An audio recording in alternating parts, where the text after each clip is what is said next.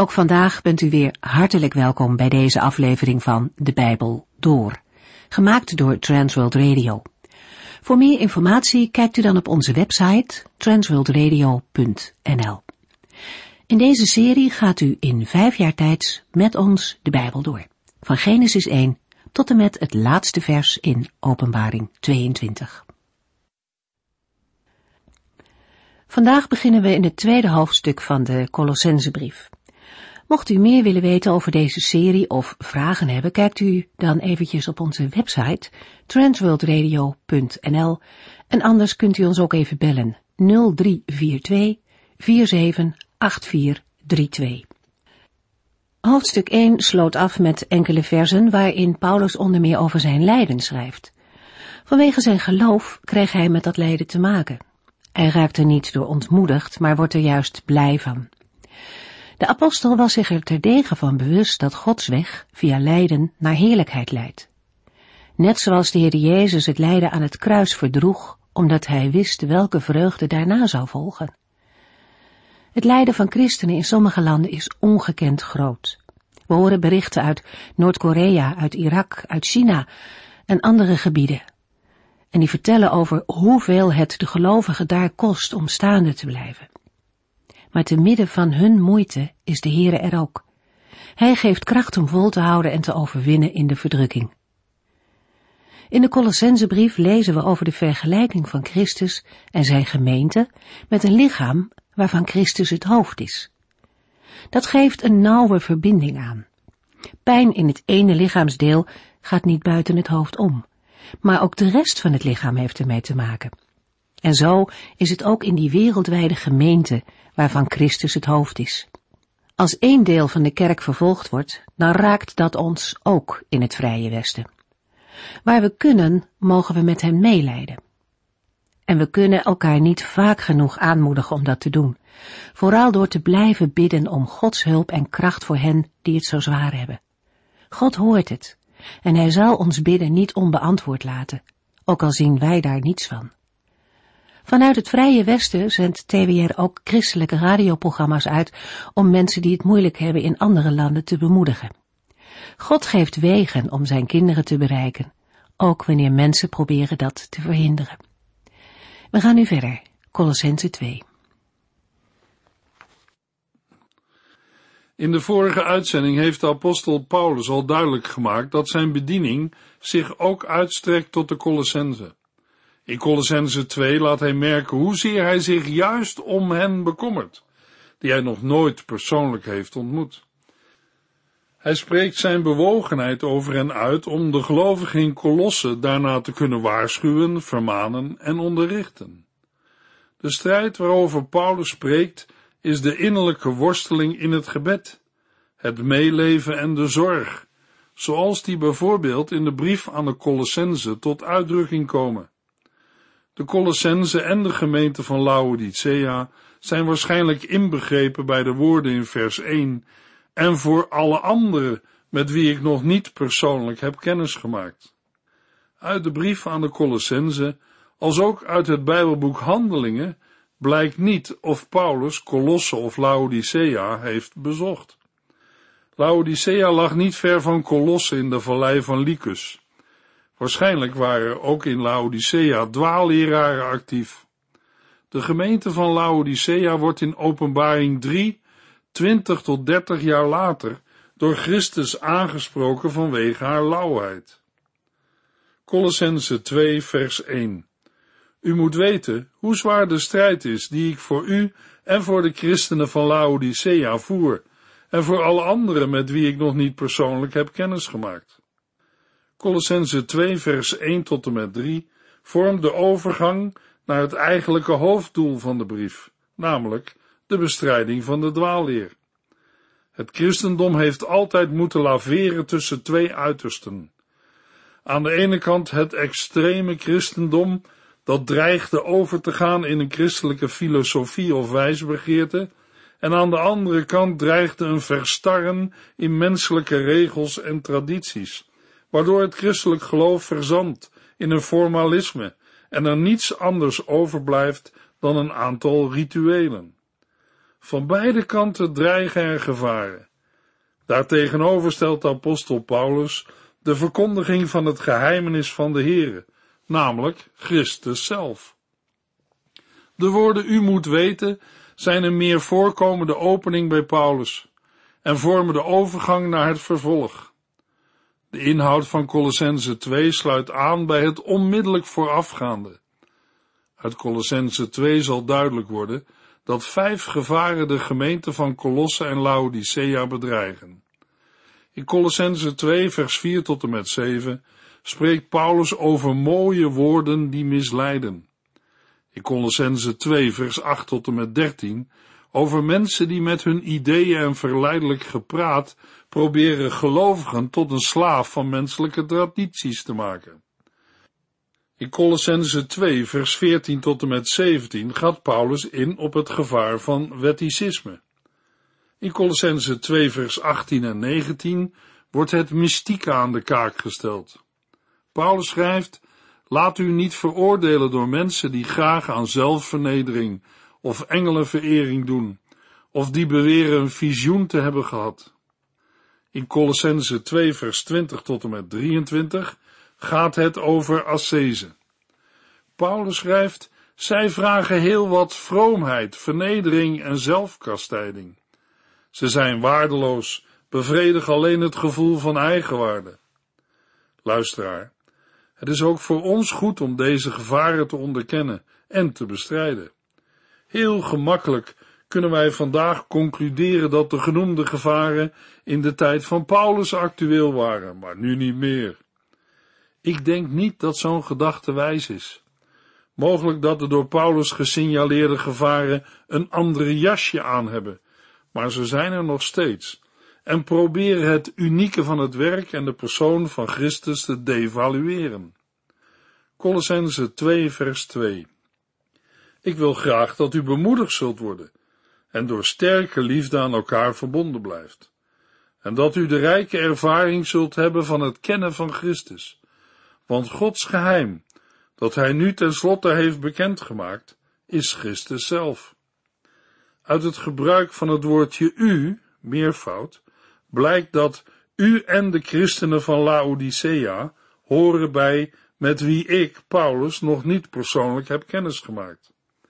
Het doel van de zware strijd van Paulus is bemoediging en dat de gelovigen door sterke liefde aan elkaar verbonden blijven. De harten van de gelovigen worden verbonden door de liefde en de band in volmaakte harmonie. De uitdrukking en dat u de rijke ervaring zult hebben van het kennen van Christus wordt verklaard door wat daarna wordt gezegd. Want Gods geheim, dat hij nu tenslotte heeft bekendgemaakt, is Christus zelf. Het gaat om het geweldige besef dat ook iemand die niet van Joodse afkomst is, door Christus een kind van God mag worden. Aan de andere kant heeft het kennen van Christus ook in zich dat Christus zelf het geheimenis is. Het geheimenis van God, in het evangelie geopenbaard en gekend door het geloof, is Christus. Alles buiten Christus om is dwaalleer en zijn eigen bedenksels. De woorden en door sterke liefde aan elkaar verbonden blijft, benadrukken de eenheid van de gemeente van Christus. Paulus schreef dat al in 1 Corinthiërs 12 vers 12. Ons lichaam bestaat uit vele delen, maar al die delen samen vormen één lichaam. Zo is het ook met Christus. In 1 Corinthiërs 12 vers 13 lezen we, want de geest heeft ons allemaal tot één lichaam samengevoegd, het lichaam van Christus. Het doet er niet toe of wij Jood of niet Jood zijn, slaaf of vrijman. Wij zijn alle doordrenkt met die ene geest. De Heilige Geest heeft de gemeente, de kerk, tot één lichaam samengevoegd, het lichaam van Christus. Hij brengt de gelovigen samen in één lichaam, en die eenheid moeten de gelovigen in de Heilige Geest behouden. Helaas is het grote probleem dat het ons, christenen, niet lukt om de eenheid met elkaar te bewaren. En daarover moeten wij ons met elkaar verootmoedigen voor het aangezicht van de Heere. Als we meer met onszelf onze kerk of gemeente, dan met Christus bezig zijn, moeten wij ons bekeren en terug naar de eerste liefde. Colossense 2 vers 3 Al de schatten van wijsheid en kennis zijn in hem verborgen. Alle wijsheid en alle kennis zijn te vinden in Christus. Met verborgen bedoelt Paulus dat deze wijsheid niet buiten Christus te vinden is, maar alleen toegankelijk voor wie met Christus verbonden zijn. Het woord schatten ziet op de rijkdom van de openbaring van Jezus Christus. Het zijn schatten die alleen door het geloof te verwerven zijn. Het zijn schatten, dat wil ook zeggen dat ze niet zomaar voor het oprapen liggen. Naar een schat moet worden gezocht. Het zijn ook geen gewone schatten, maar schatten van wijsheid en kennis. Kennis is het inzien en begrijpen van de waarheden van de Here. Wijsheid is het kunnen toepassen van deze kennis. Wijsheid en kennis waren termen die gebruikt werden door de aanhangers van de gnostische dwaalleraren in Colosse. Zij zochten naar verborgen kennis, maar buiten Christus om, langs de weg van Assese. In 1 Timotheus 6 vers 20 en 21 schrijft Paulus aan zijn medewerker Timotheus Timotheus, schiet niet tekort in wat God je heeft toevertrouwd. Laat je niet verleiden tot dwaze discussies met mensen die over hun kennis opscheppen en daarmee bewijzen dat ze geen kennis hebben. Sommigen van hen missen het belangrijkste in het leven. Zij kennen God niet werkelijk. Ik bid dat God jullie zijn genade zal geven. Alles wat wij mensen nodig hebben, ook vandaag, is Christus te vinden, of beter gezegd, door Christus te worden gevonden. Want al de schatten van wijsheid en kennis zijn in Hem verborgen. Vanaf Colossense 2 vers 4 gaat Paulus in op de vijf gevaren die de christengemeente van Colosse en Laodicea bedreigen. Colossense 2 vers 4 Ik zeg dit om te voorkomen dat men u door mooie woorden misleidt. In vers 4 spreekt Paulus voor het eerst over de aanwezigheid van valse leraars. De woorden ik zeg dit slaan waarschijnlijk alleen terug op de woorden van Colossense 2 vers 3. Omdat de verkondigde leer een schijn van wijsheid had, mooie woorden die op een verkeerd spoor konden brengen, konden sommige gelovigen misleid worden. Voor mooie woorden staat in het Grieks een woord dat overredingskunst of overredende taal betekent. Op zichzelf hoeft dat niet negatief te zijn. Maar in Colossense 2 vers 4 heeft het wel een negatieve betekenis. Het zijn mooie woorden. Paulus zelf wilde in zijn prediking nooit gebruik maken van overredingskunst, maar verwachtte dat de Heere zijn woorden zou bevestigen, door krachten, tekenen en wonderen. Aan de Corinthiërs schrijft hij in 1 Corinthiërs 2 vers 1, Toen ik voor het eerst bij u was, kwam ik dan ook niet met dure woorden en hoogdravende ideeën aan. Ik heb u heel eenvoudig Gods boodschap bekendgemaakt. En in 1 Corinthiërs 2 vers 4 tot en met 7 schrijft Paulus, de woorden waarmee ik u over Jezus Christus vertelde, waren niet scherp en overtuigend. Maar u ervoer dat het uit mijn hart kwam, en God liet er kracht van uitgaan. Want uw geloof moet niet gebaseerd zijn op menselijke wijsheid, maar op kracht van God. Wat wij zeggen is wijsheid voor de gelovigen die het begrijpen. Deze wijsheid is niet van deze wereld, noch van haar leiders, die eens ten val komen. Wat wij zeggen is Gods wijsheid, die tot nu toe verborgen is geweest. Voor het begin van de wereld had hij zijn plan al klaar om ons in de heerlijkheid te brengen. Paulus schrijft, ik zeg dit om te voorkomen dat men u door mooie woorden misleidt. Zo kan het ook vandaag gebeuren dat mensen een persoonlijke opvatting eerder aanvaarden dan het woord van de Heere. Colossense 2 vers 5 Al ben ik lichamelijk ver weg, in mijn geest ben ik dicht bij u. Ik zie met blijdschap hoe ordelijk het er bij u aan toe gaat en hoe sterk uw geloof in Christus is. De waarschuwing van Paulus komt voort uit zijn betrokkenheid bij de gemeente. Hij kan niet lichamelijk bij hen zijn, maar wel met zijn geest. In 1 Corinthiërs 5 blijkt dat deze vorm van aanwezigheid zeer zinvol is. Bij de woorden al ben ik lichamelijk ver weg, in mijn geest ben ik dicht bij u, moeten we denken aan de betrokkenheid vanuit het hart en een meeleven in gebed. In 1 Thessalonicense 2 vers 17 schrijft Paulus, broeders en zusters, nadat wij u een tijd alleen moesten laten, wel uit het oog, maar niet uit het hart, hebben we erg ons best gedaan weer naar u terug te keren. Zoals gewoonlijk bij zijn vermaningen, noemt Paulus eerst de positieve ontwikkelingen in de gemeente, meestal in de vorm van een dankgebed. In Colossense 2 doet de apostel het door het vermelden van een aantal positieve punten. Hij schrijft, ik zie met blijdschap hoe ordelijk het er bij u aan toe gaat en hoe sterk uw geloof in Christus is. De woorden ik zie met blijdschap moeten we figuurlijk opvatten. Paulus heeft de feiten van Epaphras gehoord en stelt het zich zo voor. De Griekse woorden voor orde en sterk zijn, zijn woorden die onder andere in het leger voorkomen. De gemeente wordt hiermee voorgesteld als een goed geordend leger dat zich met kracht en standvastigheid in het geloof verdedigt tegen alle vijandelijke leerstellingen. We kunnen uit dit vers ook opmaken dat de dwaalleringen nog geen vaste voet in de gemeente hadden gekregen, al dreigde dat wel te gebeuren. Het geloof wordt aan het slot van vers 5 gekenmerkt als in Christus.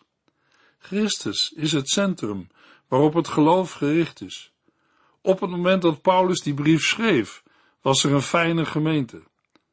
Een soortgelijke aanmoediging vinden we in 1 Corinthians 15 vers 58. Dus, beste vrienden, sta vast en wees onverzettelijk. Blijf actief voor de Heere.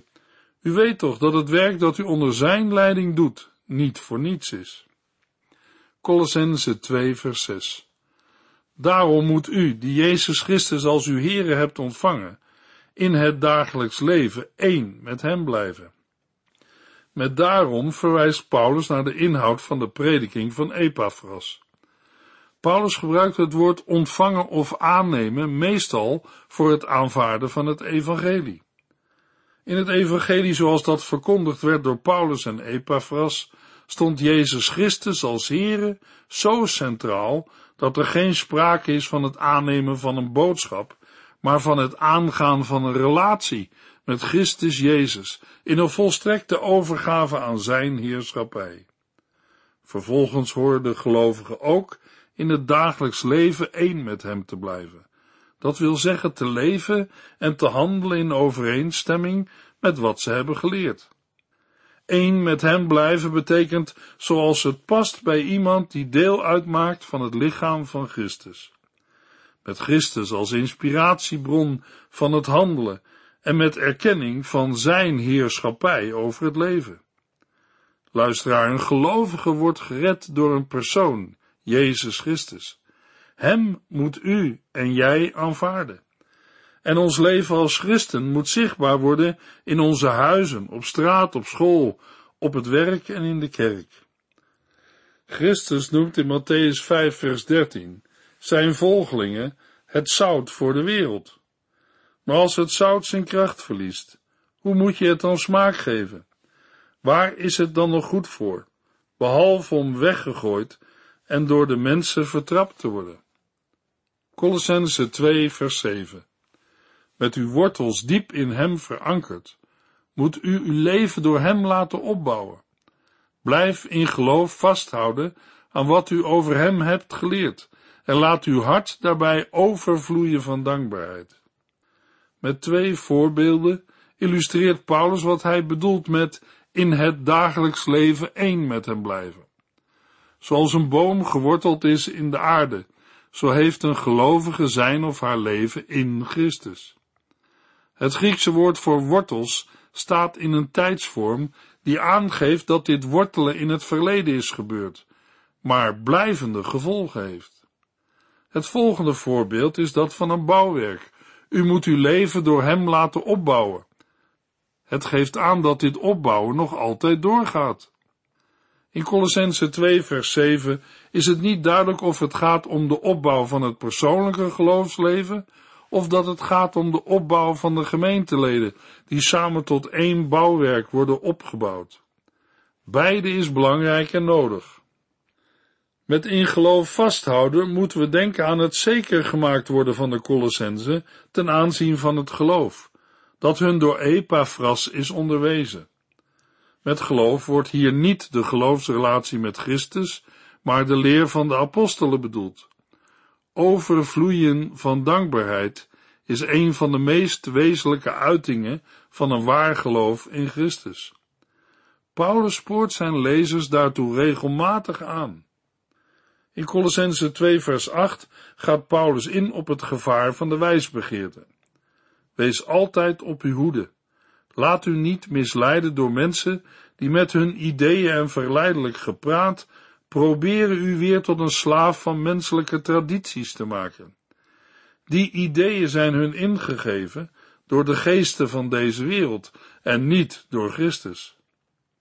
In vers 8 gaat de apostel Paulus voor de tweede keer in op de valse leer die in Kolosse wordt verkondigd.